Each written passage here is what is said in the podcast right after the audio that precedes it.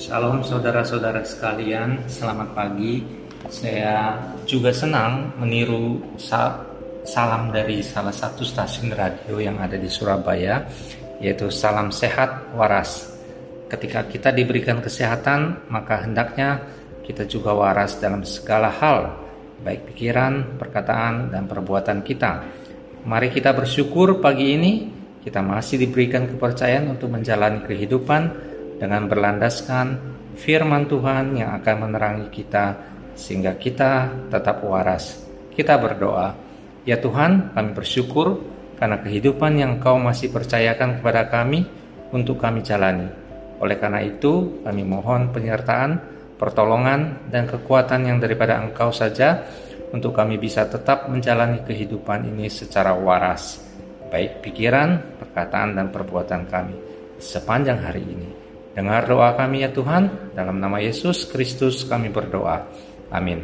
Saudara-saudara sekalian, saya tidak akan membacakan pasal 21 ini dan saya berharap saudara-saudara sekalian sambil mendengarkan juga sambil menyimak secara detail setiap ayat daripada pasal 21 ini sebagai respons waras kita. Pasal 21 ini terdiri dari tiga bagian. Bagian pertama adalah ucapan ilahi terhadap Babel ayat 1 sampai 10 yang sebetulnya merupakan nubuatan terhadap kejatuhan ilah-ilah lain atau kejatuhan dari Babel. Bagian kedua merupakan ucapan ilahi terhadap Duma atau Edom ayat 11 sampai 12 eh, merupakan perpanjangan waktu bagi kita bagi yang berdosa untuk bertobat. Bagian ketiga adalah ucapan ilahi terhadap Arabia ayat 13 sampai 17. Ada kebutuhan tetapi tidak ada solusi. Nah, solusinya apa? Nanti kita akan lihat. Saudara-saudara sekalian, sebagaimana di awal saya sampaikan bahwa orang yang waras tentu akan mencermati setiap detil dan hati-hati apa yang disampaikan atau dibuatkan oleh Nabi Yesaya ini Pasal ini dan di awal dari setiap bagian dimulai dengan pernyataan ucapan ilahi yang artinya apa yang disampaikan oleh Nabi Yesaya sebagai suatu nubuatan pasti akan terjadi dan terlaksana. Meskipun kadangkala kita sudah diberikan pernyataan ucapan ilahi, tetapi sebagai manusia maka akan ada keraguan dan pertanyaan apakah memang ini ucapan ilahi. Kalau iya, mengapa bangsa Israel masih tetap berada di bawah penguasaan Babel. Sehingga tidak heran perkataan berapa lama lagi ya Tuhan muncul juga di dalam perkataan Yesaya yaitu di dalam ayat pasal 6 ayat 11 sampai berapa lama ya Tuhan tetapi dijawab oleh Tuhan sampai kota-kota telah lengang sunyi sepi tidak ada lagi yang mendiami dan di rumah-rumah tidak ada lagi manusia dan tanah menjadi sunyi dan sepi. Saudara-saudara sekalian, pada bagian pertama Nabi Yesaya mencoba menggambarkan dengan kedasatan dan kengerian angin puting beliung yang menghantam dan lewat tanah Negev. Tentu kita masih ingat bagaimana dasarnya bencana angin puting beliung yang melanda kita tahun lalu di Jawa Barat yang begitu dahsyat melanda tiga kabupaten Majalengka, Sukabumi, dan Cianjur. Nah, di pasal 21 ini, setelah dimulai dengan ucapan ilahi, meskipun seolah-olah Allah membiarkan bangsa Israel tetap di bawah penguasaan bangsa Babel, tetapi Nabi Yesaya mengulang kembali janji Allah bahwa Allah akan menghancurkan bangsa Babel bagaikan angin puting beliung tersebut. Saudara-saudara sekalian, Babel sering disimbolkan sebagai kekuasaan kekuatan yang melawan Allah, semua simbol berlawan perlawanan terhadap Allah melekat padanya. Misalnya, penyembahan berhala, sihir, perbuatan amoral, pelacuran dan sebagainya. Untuk waktu tertentu, Babel memang seolah-olah sangat berkuasa dan menyombongkan diri. Namun, sikap perlawanan dan kesombongan di hadapan Allah pada waktunya akan hancur ayat 9 Apalagi pasal 21 ini merupakan nubuatan kedua dari Nabi Yesaya Yang pertama ada di pasal 13. Sehebat dan sekuat apa pun Babel, kehancurannya telah dinubuatkan. Menurut para penafsir, nubuat tentang kehancuran Babel dalam ayat itu tergenapi pada tahun 539 sebelum Masehi melalui serangan Persia. Sepanjang sejarah Alkitab dan Israel, ada saja sikap perlawanan dan permusuhan terhadap seperti Babel. Namun pada waktunya, mereka pasti akan berhadapan dengan Allah yang Maha Kuasa. Pada awalnya mereka menang dan seperti tak terkalahkan. Namun, cepat atau lambat, kuasa dunia itu akan dikalahkan oleh kemahakuasaan Allah. Dalam Wahyu 14 ayat 8, 18 ayat 2, Babel kembali disimbolkan sebagai kekuatan yang menyesatkan dan melawan Allah. Pada akhir zaman, ayat-ayat tersebut kembali menubuatkan bahwa kuasa Allah akan merobohkan kekuatan yang melawan Allah. Ada dua hal penting yang untuk kita renungkan pada bagian pertama ini, yaitu pertama, kita tidak perlu pesimis kalau melihat kuasa-kuasa dalam dunia melawan Allah. Karena pada waktunya akan tiba Allah menyatakan kekuasaannya dan Allah menghancurkannya. Kedua, kita tidak menjadi bagian dari berbagai kekuatan yang melawan Allah sebagai sikap dan praktik hidup sehari-hari. Maka bertobatlah sebab kerajaan Allah sudah datang.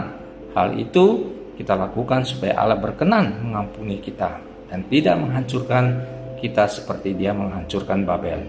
Yang kedua adalah ayat 11 sampai 12 memberitakan memberikan kita suatu kepastian bahwa kita masih diberikan kesempatan untuk berubah dan mencari Tuhan. Saudara-saudara sekalian, Allah itu adil. Dia dengan tegas akan menghukum orang yang melakukan segala bentuk dosa Allah tidak pernah kompromi dengan dosa, namun Allah juga berlimpah dengan kasih karunia. Ia selalu mengampuni dan memberi kesempatan kepada siapa pun yang mau berbalik kepadanya. Tetapi saudara-saudara sekalian, Allah juga adalah Allah yang panjang sabar, sehingga melalui bagian kedua ini kita melihat bagaimana Allah masih memberikan kepada kita kemurahannya, sehingga selalu ada kesempatan untuk bertobat. Bagian kedua firman Allah menceritakan tentang malapetaka yang dialami oleh Duma, yaitu nama lain dari Edom yang bermu, selalu bermusuhan dengan Israel. Dikisahkan orang Edom bertanya kepada sang pengawas, pengawal, yaitu Yesaya, kapan malam akan berlalu?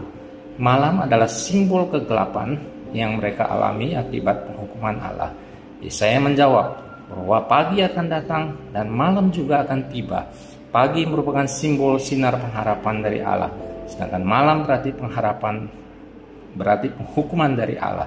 Hal itu menunjukkan bahwa penghukuman dan anugerah dari Allah bisa terjadi bersamaan. Dengan demikian, pilihan dan respons Edom akan menentukan anugerah atau penghukuman dari Allah. Jawaban sang pengawal terhadap seruan orang Edom menunjukkan besarnya kasih karunia Allah kepada setiap orang. Meskipun Allah tidak kompromi terhadap dosa, namun tidak selamanya dia murka, asalkan Edom mau bertobat dan berbalik, maka Allah akan mengampuni dan mengasihinya. Jika memilih fajar pagi, Edom harus mencari Allah, beriman, menyembahnya, dan tidak lagi hidup dalam dosa.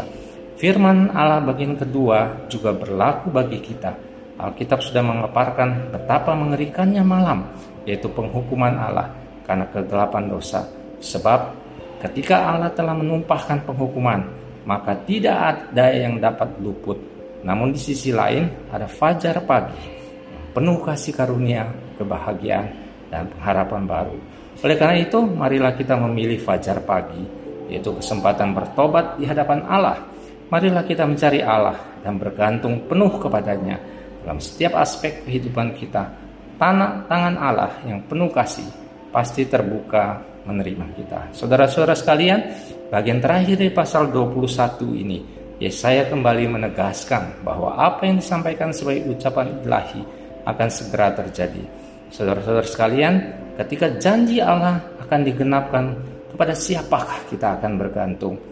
Ketika kita mengejar semua hal yang ditawarkan oleh dunia dengan kenyamanan dan kemewahannya, tentu akan banyak orang yang menggantung hidupnya kepada mamon dan bukan kepada Allah. Saudara-saudara sekalian, bangsa Arab bersekutu dan bergantung kepada secara politis kepada kerajaan Babel yang dinubuatkan akan segera dihancurkan Allah. Penghancuran itu diteruskan sampai kepada kerajaan sekutunya. Dinubuatkan bahwa kafilah Dedan, orang Arab nomad utara, akan lari mencari perlindungan. Mereka akan lari ke selatan menuju kota Tema, kota oasis kaya karena berada di jalur utama perdagangan. Dinubuatkan bahwa di kota itu akan ada banyak pelarian asing, para korban perang yang meminta hospitality, praktek kesalehan kuno melayani orang asing. Ironisnya, hospitality itu menjadi sia-sia karena kehancuran akan terjadi. Nubuat ini ditegaskan dengan habisnya keperkasaan suku Kedar, suku pedagang nomad dari utara, ayat 16 sampai 17. Kehancuran bangsa Arab secara terjadi secara total dari utara, ditandai kaum Dedan dan Kedar yang berasal dari utara sampai ke selatan. Hal itu menunjukkan bahwa Allah Israel lebih berkuasa daripada segala kekuasaan bangsa-bangsa yang hebat pada masa itu. Allah mau menunjukkan bahwa Dia berdaulat atas segala kekuasaan yang hebat di muka bumi ini.